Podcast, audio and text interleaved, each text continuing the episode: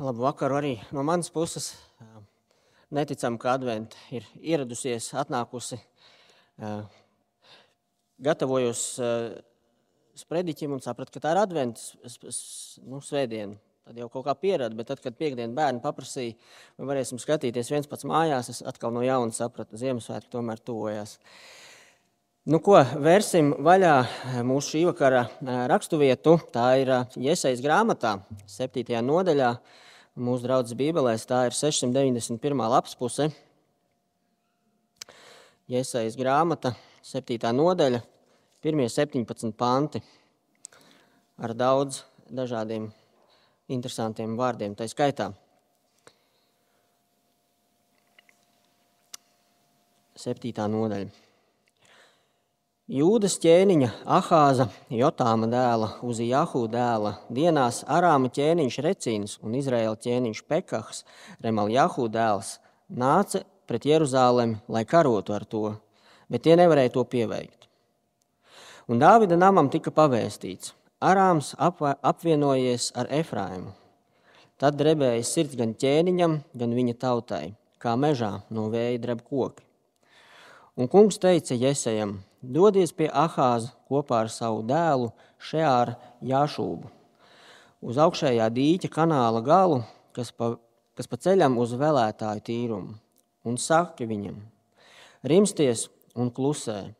Nebaidies, lai tava sirds neļimst no šiem abiem apdegušajiem un kūpošajiem ugunskura bluķiem, no arāmieša recīna dusmu kvēles un no Remaljahu dēla. Arāms ir sakūdījis pret tevi Efraimu un Remaljahu dēlu, sacīdams: Iesim pret jūdu, iedzīsim tam bailes, paņemsim to sev un iecelsim tur par ķēniņu tā bālu dēlu. Tādēļ tā saka kungs Dievs tas nenotiks un tā nebūs. Jo Arāma galva ir Damaska, un Damaskas galva ir Recīns. Ne 65 gadi nepaies, kad sakaus Efraimu, ta, ka tas nebūs vairs tauta. Efraima galva ir Samarija, un Samarijas galva ir Remaljahu dēls. Ja neticēsiet, tad nepastāvēsiet. Un kungs vēl runāja uz Ahāzu un teica: Prasa sev zīmi no sava dieva kunga, vai no šeola dziļumiem, vai no augšas augstumiem. Bet Ahāzs teica, es neprasīšu, kungu es nepārbaudīšu. Tad Iesai teica, klausies jau, Dāvida nams, vai maz, ka jūs tielējaties ar cilvēkiem, nu arī ar manu dievu? Tādēļ kungs pats dos jums zīmi. Redzi, jaunau kļūs grūta, dzemdēs dēlu un dos viņam vārdu Imānuēls. Viņš ēdīs krējumu un medu, līdz mācēs atmest ļaunu un izvēlēties labu. Jo pirms zēns mācēs atmest ļaunu un izvēlēties labu, tā zeme, kuras abi ķēniņi tev tagad iedzen šausmas, gulēs pamestu. Kungs liks, lai tev, tavai tautai un tavu tēva namam pienāk tādas dienas, kādas nav bijušas kopš tā laika, kad Efraims atšķēlās no jūdas. Nāks Asīrijas ķēniņš. Āmen. Tas ir tā kunga vārds. Es vadīšu mūsu īsā lūkšanā, un tad pārdomāsim šos vārdus. Kungs, tavā vārdā mēs lasām, ka ar tavu vārdu, kas iziet no tavas mutes, ir tā, ka tas nenāk pie tevis nepiepildīts, bet gan dara, ko tu esi gribējis, paveic to, kādēļ esi to sūtījis. Es, kungs, lūdzu, lai šodien arī tas nav izņēmums Mēs esam tavu vārdu lasījuši un tagad vēlamies to saprast. Lūdzu, šajā laikā dari savu darbu pie ikviena no mums, lai varam to saprast, bet vēl svarīgāk, caur to iepazīt tevi, novērtēt un iemīlēt tevi vēl vairāk. Iemīlēt kā mūsu debesu tēvu, kas gādā, rūpējas par saviem bērniem, kas glābi. Tāpēc, lai tavs gars vada mūsu domas, lai tas palīdz koncentrēties, ka varam ikdienas rūpestus nolikt malā, koncentrēties uz tavu vārdu. Palīdz man saprotami un uzticīgi runāt un draudzē klausīties. Āmen. Mēs lasījām šovakar, un šovakar domāsim par kādu īpašu zīmi. Tāpēc sākumā, sākumā es gribu padomāt par zīmju nozīmi, nu tā vispārīgi. Kas ir zīmes? Ko tās dara un kāda ir to funkcija? Nu, mēs varam piemēram padomāt par, par ceļzīmēm. Mēs zinām, ir vairākas ceļzīmju kategorijas, brīdinājumu zīmes, aizliegumu zīmes, informējošās zīmes un, un vēl, vēl vairākas. Ko šīs zīmes dara? Tās informē, brīdina mūs eh, par to, kas mūs sagaida priekšā, un to, kā mums līdz ar to ir jārīkojas tagad, tā gaismā, kas tur mums priekšā sagaida. Ja priekšā ir strauji pagrieziens, ceļa zīme mūs par to brīdina, un mēs zinām, mums ir iespējams jāsamazina ātrums vai jābūt īpaši uzmanīgiem, jo ceļš nav pārredzams. Ja priekšā ir krustojums, kur mums jādod ceļš, eh, citām mašīnām mēs nevaram vienkārši pūst pilnā dukā cauri. Mums ir eh, ļoti iespējams, varbūt vispār jāapstājās vai jāsamazina ātrums tā, lai mēs varētu apstāties, ja, tas, ja situācija to prasa. Ja priekšā nelīdzens ceļš, notiek remonta darbi, gājēji pārēji, dzelzceļa pārbrauktu un tā tālāk un tā joprojām. Ceļa zīmes mūs brīdina, informē mūs un norāda, kā mums būtu jārīkojas tagad. Kādas vēl ir zīmes? Protams, daudz un dažādas. Piemēram, naudas zīme. Zīme, kas vienkāršoti izsakoties eh, parastam eh, papīra gabaliņam, varbūt netik parastam, eh, bet šim papīra gabaliņam piešķir kaut kādu noteiktu vērtību. Apmaiņā pret to mēs varam saņemt preci, produktu vai pakalpojumu. Naudas zīme ir kā šis simbols, sim, simbols vērtībai, piemēram, par padarīto darbu, vai arī simbols veiksmēm, ja atrod to uz ceļa. Citas zīmes uz produktiem ir dažādi marķējumi, ko mēs ieraugam. Logo, kompānijas logo, brands, kā mēs sakam, arī ir zīme, kas kaut ko pasaka par šo kompāniju. Viens pats mājās, televīzijā ir zīme tam, kas tuvojas Ziemassvētki. Visam, visam tam ir viens līdzīgs princips - parādīt tagad kaut ko, kas nav uzreiz redzams. Vai tas būtu līkums pēc 300 metriem, vai tas būtu produktu saturs, produktu kvalitāte vai darba apjoms. To mums parāda šīs zīmes. Un šovakar mēs redzēsim kaut ko līdzīgu. Mēs redzēsim, ka Dievs um, apsola savai tautai glābšanu, glābšanu no ienaidnieka nākotnē, Un kā apliecinājumu tam viņš tagad sākumā piedāvā, bet pēc tam dod kādu īpašu zīmi. Bet pirms mēs varam iedziļināties šai, šai zīmē un, un tā zīmes uh, nozīmē, uh, mums ir uh, jāizdara kāds darbiņš. Mums ir nedaudz jāpasēž skolas solā. Mums ir jāpamācās trīs priekšmeti. Mums jāpamācās vēsture, mums jāpamācās geogrāfija un kādu vārdiņu jāiemācās. Bet darīsim to pa modernam, pēc kompetenci izglītības metodas. Ja? Lai nav mums trīs dažādas stundas, mēģināsim to visu apvienot vienā, vienā nodarbībā. Ātrais kurs trīs disciplīnās uzreiz, kā angliski saka, crash course. Bet, lai jums būtu vieglāk, es dievkalpojumu lapiņās, tur apakšā ir arī špikerītis. Jūs varat sekot līdzi, jo iespējams, ka visam grūti varētu būt uzreiz izpa, iz, izsakot. Nu, tad sāksim. Sāksim ar vēsturi. Visi zina ķēniņu Dāvidu, vai ne? Pēc viņa valdīja viņa dēls Salamans, arī dzirdēts vīrs. Pēc Salamana ķēniņa troni mantoja viņa dēls Rehabējāms. Rehabējāms varbūt nav tik zināms, un iespējams arī labi, ka tā, vai saprotam iemeslu dēļ, ka tā, jo viņš Eh, valstī pacēla jau tā augstos nodokļus vēl augstākus. Tā rezultātā notika valsts apvērsums, un, un Izraēla tauta, Izraēla valsts sadalījās divās daļās. Nedaudz geogrāfijas. Eh, dienvidos, lejā, palika Dāvida mazdēls, Salamana dēls Rehabējāms ar saviem atbalstītājiem, proti jūdas cilti un daļu no Benjamīna cilts, šī ķēniņa valsts tika saukta par Jūdu, Jūdas ķēniņu valsts. Tās galvaspilsēta bija Jeruzaleme. Savukārt ziemeļos augšā palika pārējās desmit celtis. Tās tika sauktas par Izraēlu ķēniņu valsti. Galvaspilsēta Samarija, bet Izraēlu reizēm sauc arī par Efraimu. Piefiksējam pirmo vārdiņu vārnīciņā. Izraels ir Efraims, jo tā bija lielākā un tāda dominējošākā no ciltīm, kas tur valdīja. Izrēlā, ziemeļos, tur neturpināja, neturpinājās ķēniņa Dāvida pēctecība un valdīja, diemžēl, tikai, tikai ļauni, slikti ķēniņi, kas neklausu, neklausīja un nesakoja Dievam. Dienvidos jūdā gāja kā pa kalniem, kalniem un lejām, bet vismaz kādi no ķēniņiem bija tiešām uzticīgi Dievam un vadīja visu savu tautu paklausībā Dievam.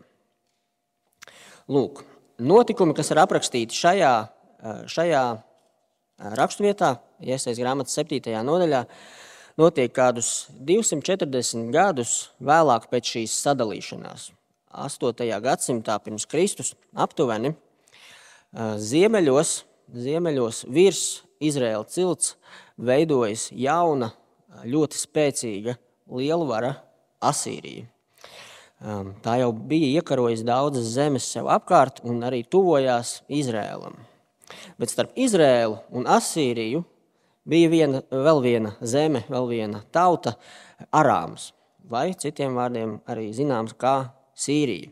Nākošais vārdiņš vārnīcām. Protams, Asīrijas mērķis ir viens - iekarot pēc iespējas vairāk gan Sīriju, gan Izrēlu, gan Jūdu. Un tad mēs nonākam pie mūsu raksturvietas, pirmā un otrā panta. Beidzot, šie, šie divi panti ir kā šis fons tam, kur un kad norisinās šie notikumi. Es ceru, ka mēs diezgan ātri iziesim cauri tiem notikumiem, kas šeit risinās, un pēc tam padomāsim par to, ko tas nozīmē mums šodien. Redzēs, kā mums izdosies. Pirmais, otrais pāns. Ko mēs tur redzam? Nolasīsim un mēģināsim atšķitināt. Jūdas ķēniņa Ahāza, Jotāma dēla, Uzijahu dēla dienās, Arāma ķēniņš Recīns un Izraēla ķēniņš Pekahs, Remaljahu dēls nāca pret Jeruzālem, lai karotu ar to, bet tie nevarēja to pieveikt. Un Dāvida namam tika pavēstīts, Arāms apvienojies ar Efraimu. Tad rebēja sirds gan ķēniņam, ķēniņam, gan viņa tautai, kā mežā no veidra koki. Tātad Jūdā lejā valda Ahās. Diemžēl viņš nebija dievam uzticīgs ķēniņš. Arāms vai Sīrija kopā ar Izrēlu, saukt arī par Efraimu, apvienojās, jo viņiem pakausī also lielā Asīrija. Skaidrs, ka viņi pat kopā, kur nu vēl atsevišķi, nevar stāties pretī Asīrijai, un viņiem ir plāns. Kāds ir viņu plāns? kopīgi šīm divām tautām iekarot vēl arī jūdu, ielikt tur savu pārvaldnieku, ielikteni tābala dēlu, kā rakstīts 6. pantā, un tad censties stāties pretī Asīrijai. Bet lai, lai arī viņiem plāns ir, šis plāns neizdosies. Dievs neļauj šim plānam īstenoties. Tālākajos pantos mēs redzam, ka tas ka tas, kādēļ tas neizdosies. Es nelasīšu visus šos pantus līdz 9. Līdz 9. pantam, jo mums būtu ilgi jāstrādā ar mūsu vārnīciņu, lai uh, saprastu visu, kas, kas kam ar ko un kāpēc. Bet pavisam vienkāršot sakot, uh, Sīrijas un Izraēla plāns, ideja neizdosies, jo Dievs saka, ka viņš to nepieļaus. Mēs varam ieskatīties 4. pantā, tur ir rakstīts, Saki Ahāzam, tas ir jūdas ķēniņam, rimsties un klusē. Nebaidies, lai tavs sirds neļems no šiem abiem apdegušajiem un kūpošajiem ugunskura bluķiem, no arāmieša recīna, dusmu kvēles un no Remaljahu dēla. Dievs nosauc šīs divas tautas par kūpošām pagalēm. Nekas tur no viņiem nav. Un tad 7. pantā Dievs pavisam skaidri saka, tā saka kungs Dievs. Tas nenotiks tā nebūs. Dievs ir nolēmis izglābt jūdu no lielā pārspēka. Jūdas ķēniņa valsts, tu būsi brīva, tu nebūsi zem jūga. Vai tās nav labas ziņas? Tās ir labas ziņas. Labas ziņas Ahāzam un visai jūdai. Ziņas ir labas, bet ne visi par to priecājās. Ne visi to spēja pieņemt. Nolasīsim no 10. līdz 13. pantam. Un kungs vēl runāja uz Ahāzu un teica: Prasi sev zīmi no sava dieva kunga, vai no šeola dziļumiem, vai no augšas augstumiem. Bet Ahāzs teica: Es neprasīšu, kungu es nepārbaudīšu. Tad Iesai teica: Klausies, jau Dāvida nams, vai maz, ka jūs tielējaties ar cilvēkiem, nu arī ar manu dievu? Iesaja vai Dievs caur Iesaju turpina priecīgo vēstu. Viņš saka Ahāzam, jā, tas izklausās neticami, bet es tev pierādīšu, ka tā ir patiesība. Es tev pierādīšu, ka es tevi izglābšu. Tu vari man prasīt pilnīgi jebko, un es to izdarīšu. Es tev pierādīšu prasa jebko, vai no mirušo valstības, no šēla, vai no debesu augstumiem. Jebko. Bet Ahāns sāk minstināties. Patiesībā Ahāns atbild it kā šķietam pazemīgi un bijīgi. Es neprasīšu, kungu es nepārbaudīšu. Nu, kungs, kur nu? Tevi taču nevajag pārbaudīt. Bet šajā brīdī mēs redzam, ka sarunas tonis pamainās. Iesai saka, vai nepa, nepietiek, ka tu pārbaudi cilvēku pacietību, tu pārbaudīsi vēl arī Dieva pacietību. Acīm redzami, Dievam šī ahāza, šķietams pazemīga atbilde nepatīk. Kur ir problēma?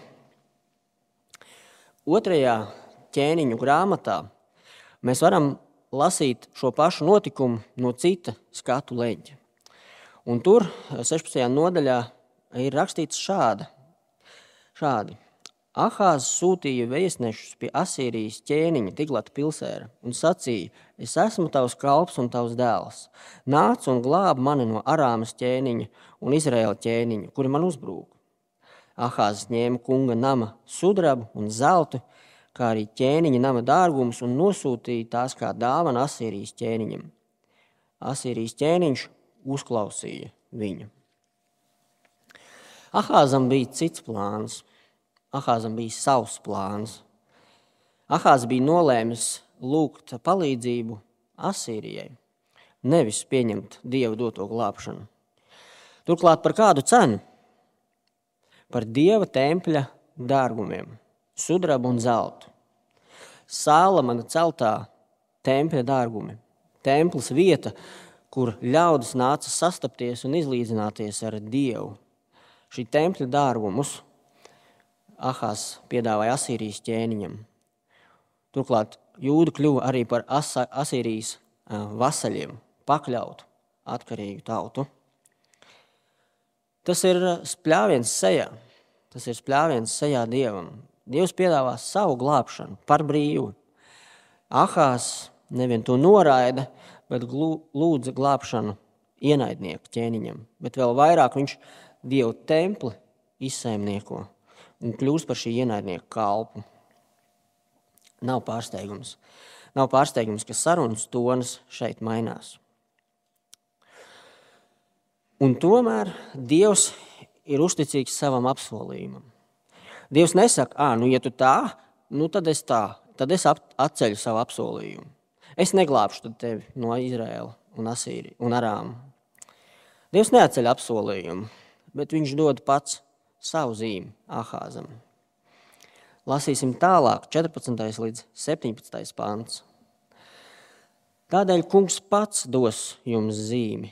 Redzi, jaunavu kļūs grūta, dzemdēs dēlu un dos viņam vārdu Imānuēls. Viņš ēdīs krējumu un medu, līdz mācīs atmest ļaunu un izvēlēties labu. Jo pirms zēns mācīs atmest ļaunu un izvēlēties labu, tā zeme, kuras abi ķēniņi tev tagad iedzen šausmas, gulēs pamesta. Kungs liks, lai tev, tavai tautai un tavu tēva namam pienāk tādas dienas, kādas nav bijušas kopš laika, kad Efraims atšķēlās no jūdas. Nāks Asīrijas ķēniņš. Kas ir šī zīme, ko kungs apsola? Ko tā nozīmē? Ir apsolīts bērns. Bērns vārdā Imānu ēls. Un ir teikts, pirms šis bērns mācīs atmest ļaunu un izvēlēties labu, abi ķēniņi, Arāma un Izraēla ķēniņi būs iznīcināti. Tie ir, tie ir tikai daži gadi. No vēstures ir zināms, ka Sīrija tika iekarota eh, turpat vai tajā, tajā pašā vai nākošajā gadā. Eh, Izraels krita pēc aptuveni desmit gadiem. Būsim godīgi, ja mēs dzirdam vārdu Imānuēls, šis vērna vārds mums liek domāt par jauno derību, vai ne tā? Par Jēzus piedzimšanu, vai ne? Un taisnība arī ir par to pēc brīža. Bet tad kā būs? Vai paies daži gadi vai gadsimti, līdz tas notiks? Kas tad šeit notiek? Kā tas ir nereti ar vecās derības pravietojumiem, šie pravietojumi ir tādi, ja mēs varētu teikt, daudzslāņaini. Proti, tiem var būt tūlītais piepildījums, bet arī piepildījums tālākā nākotnē. 14. pantā šis vārds jaunava var nozīmēt divas, divas lietas, divas nozīmes šim vārdam. Jaunava vai arī jauna sieviete, meitene. Iesaistīts grāmatas sākumā mums ir minēta viena jauna sieviete, meita. Šī meita ir Ciāna. Kas ir Ciāna? Ciāna ir pilsēta Jeruzaleme. Vēl viens vārds mūsu vārnīciņā. Bet tad, kad Bībele runā par Ciānu, tā runā par Jeruzalemi kā par, kā par dieva pilsētu. Pilsētu, kur atrodas dieva, Jahves templis. Tā tad dieva tautas politiskais un reliģiskais centrs. Bieži daudz, daudzējādā ziņā tas bija viens un tas pats. Vieta, no kurienes nāk un izriet politiskie lēmumi, dieva lēmumi. Nu, tā ir tā pilsēta. Ja šī jaunava ir pilsēta, kas tad ir bērns? Ne mums jāpamana kāda detaļa. Vai pamanījāt, ka Jēzajam Dievs nelika iet vienam pašam pie ķēniņa Ahāza? Viņš lika ņemt līdzi viņa dēlu Šeāru Jāšūbu. Kā jau jūs zināt, tad eh, vārdiem, eh, jūdu vārdiem ir nozīme. Līdzīgi kā vārdam Imānuēls ir nozīme, nozīme ir Dievs, ir ar mums, tā arī šim vārdam ir sava nozīme, savs skaidrojums. Vārds šeār jāšūps nozīmē atlikums atgriezīsies. Pravieši daudz runā par Dieva tautas atlikumu. Tiem ļaudīm, kas paliks uzticīgi Dievam par spīti apkārt esošajai elgdievībai. Turklāt vārdam atgriezties arī ir šī divējādā nozīme. Atgriezties atpakaļ no, no kaut kurienes, no kādas vietas, varbūt, piemēram, trimdas, vai arī atgriezties, atgriezties no grēkiem, nožēlot tos, atgriezties pie Dieva. Un pēc konteksta tā vien izskatās, ka šeit varētu būt tā otrā nozīme, jo pie tiem, kas atgriežas pie Dieva, ar tiem Dievs ir kopā vārda Imānuēls nozīmē Dievs ar mums. Ahāzs varēja e, palūgt skaidru zīmi Dievam, un viss viņam būtu saprotams.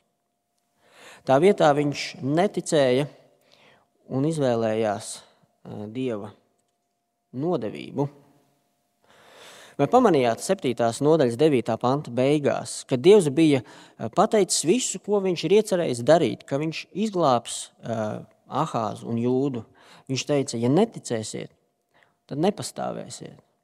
Un tur tā, tā valoda ir ļoti spēcīga, stingra. Ja nestāvēsiet stingri ticībā, tad nepastāvēsiet, nepastāvēsiet vispār. Ahās neticēja, nepastāvēja ticībā, un viņš saņēma savu spriedumu. Un vēl viena detaļa, kas vēl, vēl vairāk pasvītro šo neticības postošo iznākumu. Ieskatieties vēlreiz 11. un 13. pantā. 11. pantā prasa sev zīmi no sava di dievu kunga. 12. pantā Ahās pasaka, no, nu, ne, es nepārbaudīšu, ko nu, ko nu 13. pantā Iesai saka, klausies jau Dāvida nams vai maz, ka jūs tielēties ar cilvēkiem, vai nu arī manu, vai nu arī ar manu Dievu. Neticībā Dievs ir svešs, tas, vairs, tas nav tavs Dievs, tas ir tas tur, nu to ticīgo Dievs. Bet labā ziņa, kā arī pretējais ir iespējams. Ticot Dieva apsolījumiem un ticot Dieva dotajai zīmei, Dievs vairs nav svešs. Nav tas tur Dievs, bet ir tuvs, personīgs, mans Dievs. Un tā ir patiesība, kas iet cauri laikiem un ir patiesa arī šodien. Ticot Dieva apsolījumiem, Dievs no sveša kļūst par tuvu un personīgu. Un līdz ar to mēs nonākam uh, pirmajā gadsimtā un arī 21. gadsimtā. Mateja evanģēlijā, pirmajā nodaļā, tiek runāts par kāda bērna brīnumaino piedzimšanu. Un šī piedzimšana ir kā zīme tam, ka Dievs ir un būs ar saviem ļaudīm, ar savu atlikumu, un ka Viņš izglābs viņus. Es aicinu, ka mēs varam atvērt Mateja evanģēlīju pirmo nodaļu. Draudzes Bībelēs tā ir 955. lapas puse, jaunās derības pirmā grāmata, un nolasīsim šos zināmos, zināmos vārdus no Mateja evanģēlīja pirmās nodaļas, sākot ar 18. pantu. Bet Jēzus Kristus piedzimšana notika tā. Viņa māte Marija bija sadarināta ar Jāzepu, pirms tie sāka dzīvot kopā. Viņa bija ieņēmusi bērnu no svētā gara. Viņas vīrs Jāzeps, būdams taisns un negribēdams viņai celt neslavu, gribēja no tās slepus šķirties. Kad viņš par to domāja, redzi, kunga eņģelis viņam parādījās sapnī un sacīja: Jāzep, Dāvida dēls, nebīsties ņemt pie sevis Mariju, savu sievu Tas, kas viņā ieņemts, ir no svētā gara. Viņa dzemdēs dēlu, un tu nosauksi viņu vārdā Jēzus, jo viņš izglābs savu tautu no grēkiem. Bet tas viss ir noticis, lai piepildītos, ko kungs caur pravieti ir runājis. Redzi, jaunava taps grūta un dzemdēs dēlu, un viņa sauks vārdā Imānuēls. Tūkojumā Dievs ir ar mums.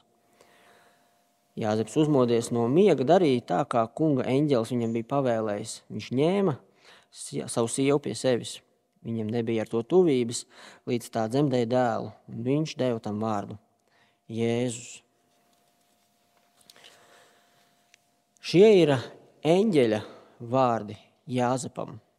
Pat ne apstuļa Mateja interpretācija vai skaidrojums, lai gan ar to mums arī pietiktu, bet eņģelis Dieva ziņnesis paskaidro, ka Jēzus bērna piedzimšana ir Jēzus pravietojuma galīgais piepildījums.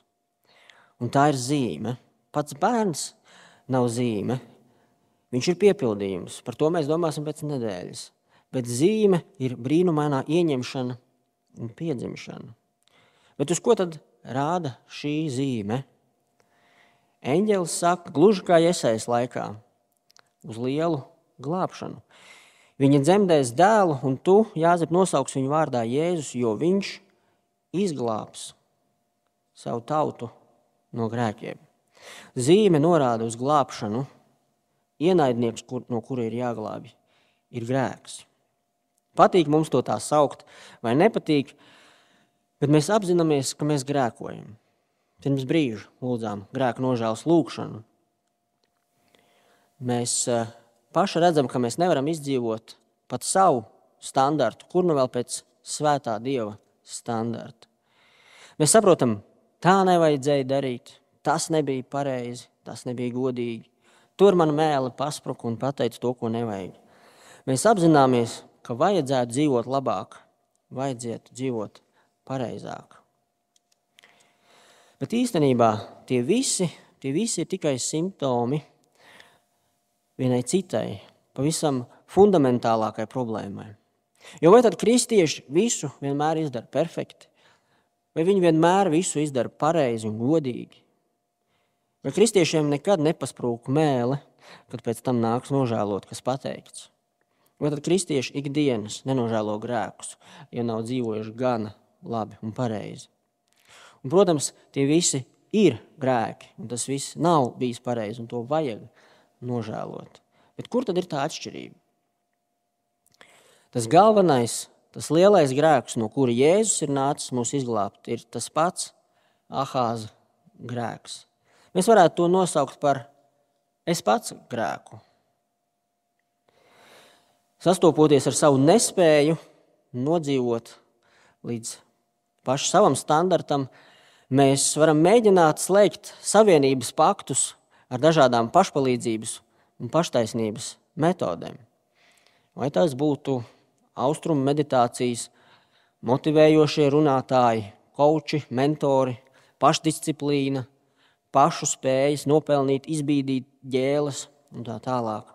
Un es nesaku, ka pašdisciplinēšana, pašdisciplinētība vai kādā jomā tikt motivētam vai sadarboties ar koču un mentoru būtu nepareizi, bet, bet ja tas ir tavs mēģinājums salabot grēka problēmu, tad visi šie mēģinājumi ir spļāviens Dievam sejā.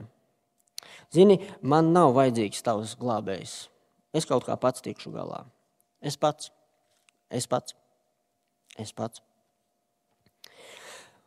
Bet rezultāts, rezultāts arī būs tāds pats kā Ahāzam. No vilka bēga lācim uzskrēja. Ahāzs bēga no viena ienaidnieka un pārdevās citam.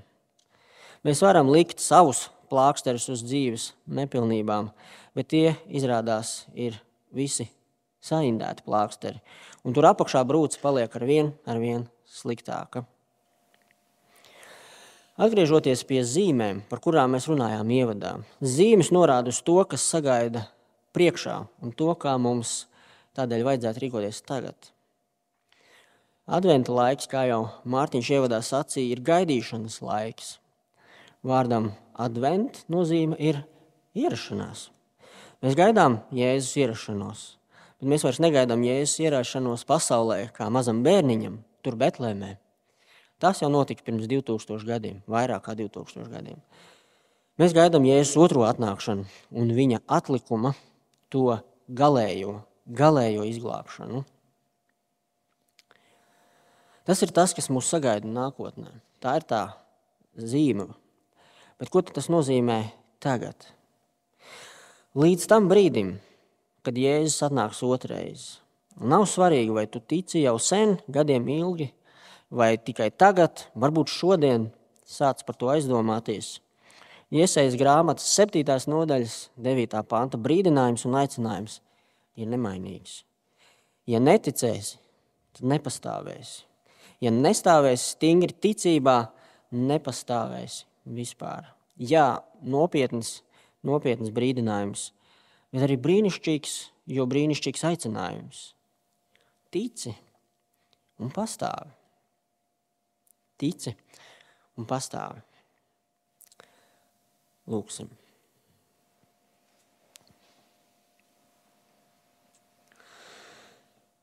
Mūsu debesu Tēvs, Tu esi Dievs, kurš glābi. Tu vienmēr esi glābis savus ļaudis, savu atlikumu, sākot ar ēdienas dārzu līdz pat mūsdienām. Tu glābi, jo cilvēki paši nevar izglābties. Tāpēc es lūdzu, lūdzu ikvienam, kas ir dzirdējis tavu glābjošo vēsti, lūdzu dod ticību tam noticēt un pilnīgu paļāvību tavam darbam. Paļāvību tā, lai mēs nesāktu slēgt sadarbības paktus ar ienaidnieku un nebūtu viņu vergi, bet ka mēs baudītu brīvību, jo tu esi izglābis. Kungs, lai šajā adventā no jauna un ar lielu prieku gaidām tevi un tavu atnākšanu. Jēzus vārdā. Āmen.